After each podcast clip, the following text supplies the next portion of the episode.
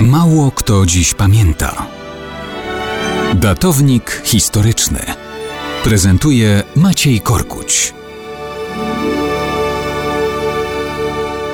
Mało kto dziś pamięta, że był taki dowódca drugiej armii francuskiej w Ardenach, generał Charles Euntzige. On to w maju 1940 roku przekonał się, że nawet najlepszy dowódca i sprzęt nic nie znaczą, kiedy żołnierze są zdemoralizowani, wewnętrznie rozbici i przeżarci strachem. Mijało zaledwie kilka dni od ataku pancernych wojsk niemieckich przez Ardeny. To uderzenie rozpoczyna niemieckie działania na terenie Francji.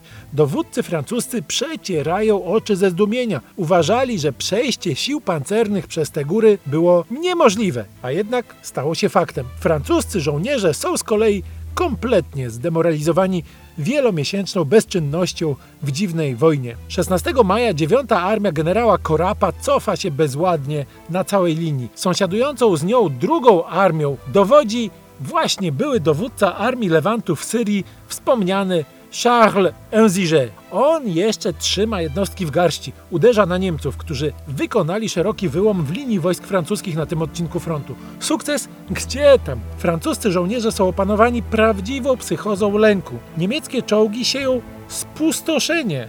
Tu nawet nie chodzi o siłę tych wojsk pancernych. Całe duże jednostki francuskie pierzchają na sam widok pierwszych niemieckich czołgów na horyzoncie. To prawdziwe szaleństwo. Nie da się walczyć, kiedy żołnierze myślą tylko o tym, jak uciekać i ratować własną skórę. Francja 1940 roku to taka Ukraina dzisiaj, tylko zupełnie na odwrót. Ukraińcy sami pokazują, jakie znaczenie ma siła ducha i determinacja żołnierzy, nawet przy braku ciężkiego sprzętu. Francuzi mieli i sprzęt, i czołgi. Tyle, że cała armia była zgnuśniała i podszyta strachem. Tak więc Enzige nic nie wskórał, a jego największym zaszczytem hm, bojowym będzie to, że w imieniu Francji osobiście podpisze w Kąpień upokarzający rozejm oznaczający całkowite poddanie się warunkom narzuconym przez Niemców. Wkomponowany później w kolaboranckie rządy marszałka Petena,